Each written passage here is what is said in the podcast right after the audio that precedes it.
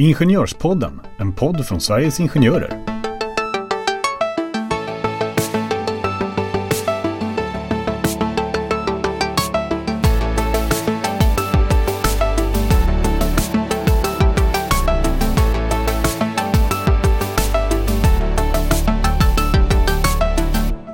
Hur kan man förebygga att gå in i väggen? Vad kan man själv göra och vad kan man som förtroendevald göra? Eh, svåra frågor som vi ska försöka adressera i dagens avsnitt. Välkomna till Ingenjörspodden.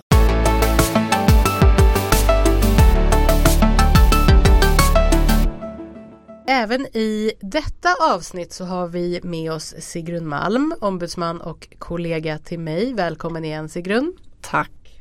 Vi har eh, i tidigare avsnitt pratat om det gränslösa arbetet. Det vill säga att eh, många tjänstemannajobb kan utföras lite var som helst och lite när som helst.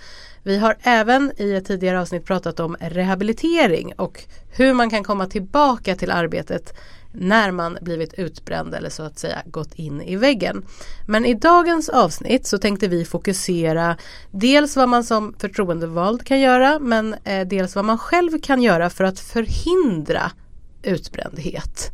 Eh, Sigrun, ska vi, ja, vart ska vi börja? Vi kan börja med att prata lite bara eh, olika symptom som man kan tänka på kanske. Eh, eller reagera på om man skulle känna av. Ja, och, och det där är ju lite beroende på vem du är mm. och det viktiga är att du lär känna dig själv. Vilka signaler är det din kropp skickar när det är för mycket? Vissa kan ju bli liksom när man säger jag är stressad, vad är det för någonting? Det är ju naturligt att vara stressad men det är liksom när du känner av symptom. Du kan få ont i huvudet, ont i magen, svårt att sova, lättirriterad. Mm. Och det är typiskt sett sånt som andra reagerar på. Om du är, liksom, är mera alltså mera lättirriterad än vanligt. Vissa, vissa är ju lättirriterade. Ja, du menar, du tänker personligheten helt enkelt. Att vissa har en, en, annan stressad personlighet. Men man kan väl också säga att, och det känner ju såklart många till, men stress i sig är ju faktiskt inte farligt utan snarare så presterar vi ju ofta bättre eh, i en eh, lite mer stressad situation. Vi får adrenalinpåslag och vi blir mer skärpta. Problematiken är ju långvarig stress och eh, eh, när man inte får återhämtning och då börjar känna de här, några av de här symptomen som du pratar om. Mm. Ja, för att det är ju precis att komma ihåg att det, är det här är växelverkan mm. mellan påslag och, och liksom avslag, eller på avslag. Men, eh, och, det, och det är ju där du måste tänka på. Då jag, en gång så fick jag höra en sån här väldigt bra eh, kom ihåg-grej och det var det att med, om du om du jobbar vanlig måndag till fredag och så har du helg och du är väldigt stressad och sen lördagen är du trött och så söndagen så börjar du bli bättre. Så att när du på måndagen känner dig utvilad och ja, yeah, nu är det dags för en ny vecka. Då är det ingen fara. Men den dagen, den måndagen som du känner att nu har jag inte fått någon återhämtning, då är det då är det viktigt att eh, tänka att nu är det fara och färde för då, då naggar du i kanten på det här eh, återhämtnings... Eh, vad ska jag säga? Batteriet. Ja, ja. Exakt. Ja. men, att, nej, men det är jättebra. Eh, det var en bra regel för att det är ju så här att eh, när det har gått för långt, alltså det vill säga ja, men nu har jag börjat eh, glömma eh, viktiga saker eller eh, jag blir väldigt eh, känslig och helt plötsligt sitter jag och, gråter på jobbet. För vissa av er som lyssnar så kanske man tycker att det här är helt främmande men vi som har jobbat med utbrändhet, det här är inte helt ovanligt. Problematiken då är ju att då är det ju väldigt nära den här väggen och då är det ju mycket svårare att dra i handbromsen. Så vad vi vill försöka åstadkomma i dagens avsnitt är ju någonstans att stanna upp och tänka vad kan man göra för att förhindra det här? Eftersom vi vet att har man väl tyvärr då gått in i den berömda väggen då är vägen tillbaka väldigt lång. Ja och en, en eh, utmaning här är att ofta är det här personer som är vana att, eh, som är väldigt prestationsinriktade mm. och då, då ligger det i sakens natur att det är väldigt utmanande att erkänna att jag inte kan prestera så som jag vill. Mm. För det behöver du göra faktiskt. Du behöver att, att säga till någon att nu är det för mycket. Och, det, och, då kommer vi in på det här, vad kan jag göra själv? Och det första är att erkänna för sig själv mm. att jag pallar inte det här. Mm. Jag är inte superwoman eller superman. Det, just nu i vart fall. Mm. För det kan ju variera. Man, man har fått barn, man har haft barn och börjat jobba igen efter att man har varit föräldraledig. Man ska kombinera jobb och, och det som fort, tidigare var det jätteviktiga jobbet. Plötsligt nu så, så är det något annat som är det viktigaste, nämligen barnen. Ja, hur ska jag göra nu då? Mm. När ska jag få återhämtning? Den här tredje delen av kakan, den mig själv, den struntar väldigt många i. Och då, då raseras det här återhämtnings, den här återhämtningscykeln. Mm. Men jag vet att du hade, vi satt här och pratade eh, innan eh, vi satte igång inspelningen och då nämnde du det här med good enough. Vad menar du med det? För att för mig är good enough om jag bara hör det snabbt då kanske det inte är, låter så jättepositivt. Det låter ju som att ja, ja, jag gör det här och så är det good enough. Nu går jag mm. vidare med nästa eh, grej. Och är man då högpresterande eh, som du säger att eh, också faktiskt många är som, som har den här problematiken. Då är inte good enough någonting positivt. Hur tänker du med, med den, det uttrycket? Alltså precis som du säger att ofta så är det engagemangsdrivna, liksom väldigt högpresterande som, som kan vara i riskzonen för det kombinerat med lite andra saker då som vi kan återkomma till. Men good enough för mig det är att eh, stämma av dina egna inre krav med någon, eh, de verkliga uttryckta externa kraven. Mm. För att eh, så att ehm, och jag, jag, jag tänker ibland så här att ja men om det hade varit min kompis som hade haft den här eh, omfattningen på arbetet och allt det här runt sig. Hade jag tyckt att det var eh, dags att tagga ner lite grann då? Mm. Sannolikt ja. Om jag är en sån som har väldigt höga inre krav. Mm. Så jag kanske kan stämma av med min chef eller min projektledare vad det nu är för någonting. Vad är det egentligen förväntat av mig? Mm. För det tror jag väldigt många ingenjörer och akademiker har. Man har eh, eh, Eh, jobb som gör att du är väldigt, eh, du är din egen kvalitetskontrollant. Och det är väldigt risky om du är den här prestationsdrivna människan. Men det där är ju någonting som du säger, det måste man ju öva sig i. Men det här är väl lite nyckeln också att man ber, alltså man pratar, dialogen mellan chefen och eh, en själv. Att man ber chefen att, men okej okay, nu, nu har jag de här olika uppgifterna. Hur ska jag kunna prioritera det här? Ja, och inte bara hur jag ska prioritera mellan dem men vad är det jag ska prioritera bort? Ja, för att inte, för vi, vi satt ju och pratade eh, faktiskt med några andra kollegor här och det här är samtalet, det här är ju liksom ett samtalsämne som är eh, hett hela tiden. Men då var det en kollega till oss och vi, vi tog upp just det här och då berättade ju eh, han om att eh, ja, men eh, man kan ju också få det här eh, ja men eh, först prioritera den här uppgiften och sen prioritera den här uppgiften. Men det kan ju bli ett jättestresspåslag för då betyder det ju fortfarande att du måste göra båda men när ska jag göra det här? Och det är ju jätteviktigt det du säger att någonting kanske måste faktiskt gå bort och det där är ju väldigt svårt att hantera. Och, det, och då kommer vi liksom lite in på det som sitter i väggarna på mm. arbetsplatsen. Att, att man verkligen eh, försöker lyfta det.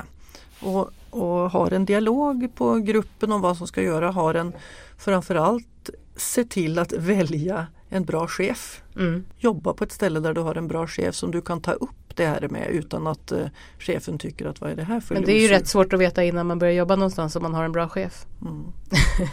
men för vi eh, men, men det var lite om hur man så att säga kan tänka själv. Men om man då tänker eh, som förtroendevald om man då jobbar med, man vill jobba med arbetsmiljö och man ska minska stressen. Hur, hur ska man tänka där för att nå framgång? Det finns ju olika saker, det beror på hur, hur omfattande eh, problemet är. Ofta så har det ju med, med alltså, eller ibland så kan det ha med att göra hur mycket du jobbar, alltså mm. att det är arbetstid och övertidsfrågor.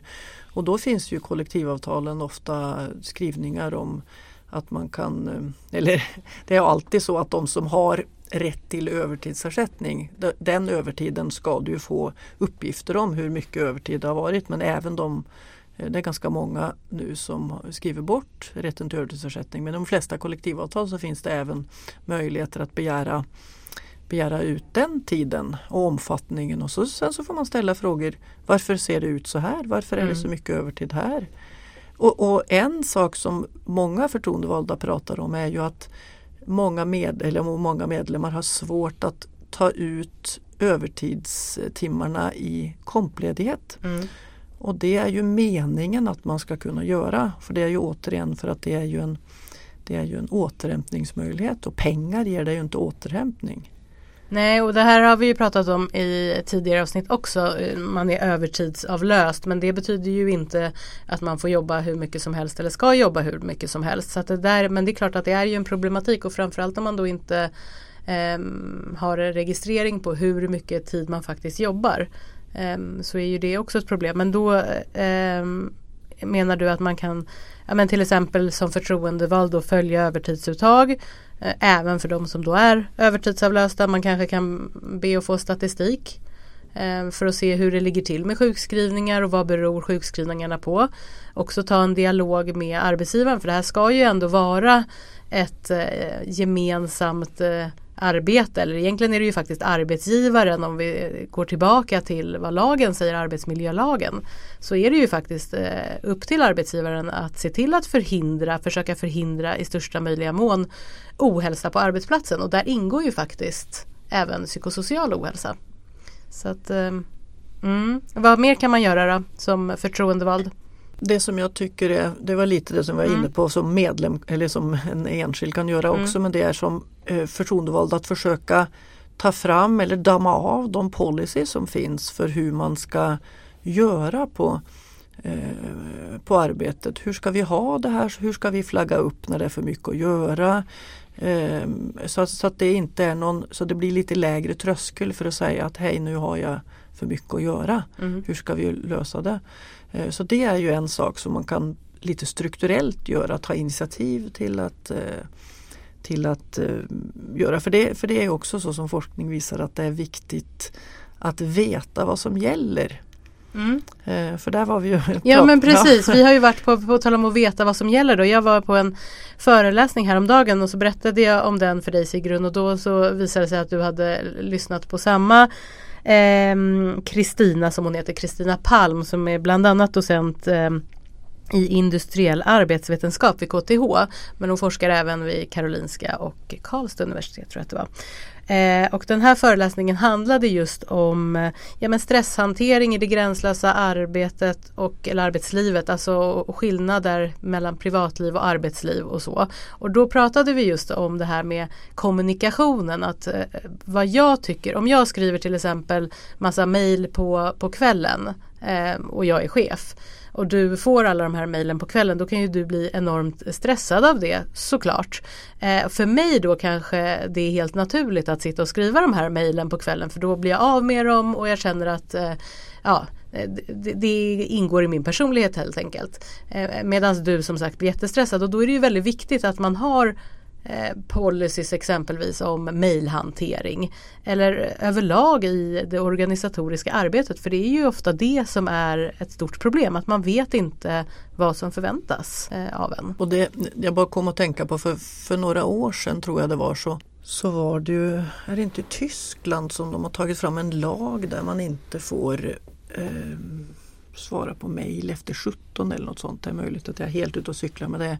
Eh, och då i samband med det så, så, så pratar jag, när man håller facklig grundkurs, mm. så pratar med förtroendevalda, skulle det vara bra?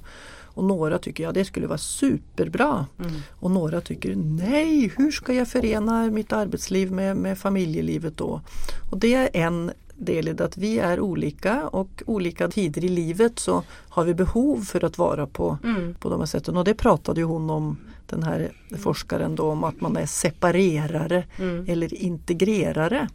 Och då pratar vi då mellan ja. arbetsliv och privatliv huruvida man tar in privatlivet i arbetslivet eh, och vice versa. Ja, att, eh, att för en person då som eh, så är det bästa det är att inte att inte ta med sig jobbet hem mm. överhuvudtaget. Mm. Att koppla ner allt. Och då det är ju den tyska modellen mm. då att man får inte svara på mail efter det. Men för en annan som hellre vill gå lite tidigare, hämta på dagis eller, för, eller um, förskolan heter ja. det nu, jag är så gammal. eller, eller i skolan mm. och sen så på kvällen så eh, läser man lite mail. Mm. Så är det helt bra. Mm. Och det hon, hon sa var ju att det är ju eh, den som får att det är bra att få göra på det sättet som du önskar att, eh, som passar dig. Eh, och det, det leder till en, liksom en bättre kontroll och, så. Men Eftersom det är inte one size fits all. Mm. Du och jag har olika behov. Du, mm. du, Jenny du har ju eh, små barn så mm. du föredrar ju mera det här och kunna dela upp det medan jag har stora barn så att jag sitter hellre kvar till det är färdigt och sen mm. så går jag hem. Så slutsatsen av hennes forskning som jag tyckte var mest intressant det var ju att oavsett att vi är olika, om min arbetsgivare har en policy för hur vi ska göra vad som är förväntat av oss, då kan vi, då kan vi bara vara lugna i att det finns olika sätt att lösa det. För forskningen visade att den, den gemensamma faktorn var att Visste man vad som gällde från arbetsgivarens håll, mm. då mådde alla bättre. Vare sig man var en integrerare eller separerare eller en blandmissbrukare. Ja men precis för annars kan det ju också skapa eh, förutom då irritation med att du undrar kanske vart jag går klockan tre och sen så blir du irriterad för att jag kanske skriver ett mail till dig klockan elva på kvällen när jag sitter och, och jobbar igen. Förutom den irritationen så är det ju själva eh, ja, men som du säger att, att, att, man förstår vad det är som förväntas. Det är det som är det viktiga. Det är det som är nyckeln i det här och framförallt tycker jag eh, dialogen eh, med sin chef. Eh, om man då pratar om från ens eget perspektiv. Men som förtroendevald så får man väl mer om man bara ska sammanfatta det vi, vi har pratat lite om. Det är väl mer att försöka eh, se problemet och sen eh, försöka någonstans bena i, okej okay, men hur kan vi uppmärksamma det? Och det kan man ju göra på många olika sätt. Vi härifrån Eh, till exempel Sveriges Ingenjörer har ju så här föreläsningar om eh, bland annat gränslösa arbetet och så vidare. Man kan komma ut och prata på till exempel ett årsmöte eh, och så vidare om det här. Och det har varit väldigt uppskattat. Och just det här att man bara får ta ett steg tillbaka. Det tycker jag som har hållit de här föreläsningarna och du också Sigrun vet jag. Eh, man märker ju att det triggar ju igång någonting när man pratar om det här. För alla känner ju någonstans igen sig eftersom det handlar ju om eh, en själv väldigt mycket. Ja, och min erfarenhet av när man håller de här eh, medlemsmötena mm. om eh, gränslöst mm. arbete är ju att det, eh, någon säger att så här gör vi på mm. min enhet. Vi pratar alltid om det på arbetsplatsträffarna mm. eller vad det nu är för någonting.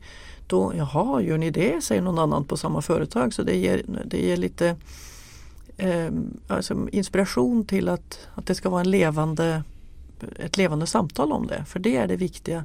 Att känna att det är inte bara jag som har det jobbigt och sen så är det mitt sätt att ha det jobbigt på skiljer sig från ditt sätt att ha det jobbigt på för att vi är olika. Mm. Men vad ska man göra då om man känner att man ändå har adresserat det här? För nu har ju hela det här avsnittet handlat någonstans om att eh, förhindra och liksom dra väldigt tidigt i handbromsen och så vidare. Men om man känner att så här, nej men det, här, det här går inte, jag har ändå pratat med min chef och ja, eh, den personen säger inte just att eh, ta bort den här uppgiften utan det här vi pratar om att du först prioriterar du det här och sen prioriterar du det här bara jobbet blir gjort ungefär. Att det finns ingen förståelse och ja, man ham hamnar liksom i ett mörker. Vad ska man göra då? Ja, eller jag ska bara foga till ja. någonting där eller jag har eh, jag har fått en chef som mm. inte förstår det som du sa, mm. man kan inte välja chef men Eh, och då, om alla de här sakerna, att man lyfter det, förtroendevalda har försökt lyfta det och det sitter lite i väggarna att man ska jobba tills, eh, tills morgonen gryr. Mm. Då, då är det faktiskt så att komma ihåg det att för min arbetsgivare så är jag ersättlig. Ramlar jag omkull, hittar de någon ny som kan göra mina arbetsuppgifter. Men jag är oersättlig för mig själv mm. och min familj och mina barn. Så att om jag ramlar och blir liggande i flera år innan jag är mig själv igen, då är det ju mm. då är det jobbigt. Så att då betyder det flytta på dig säger jag. Mm. Är det ingenting du kan ändra, då får du sök dig därifrån innan det har gått för långt. Det får bli de visa slutorden från Sigrun Malm och eh, vi säger tack och hej och vi hörs snart igen helt enkelt. Hej då! Hej hej!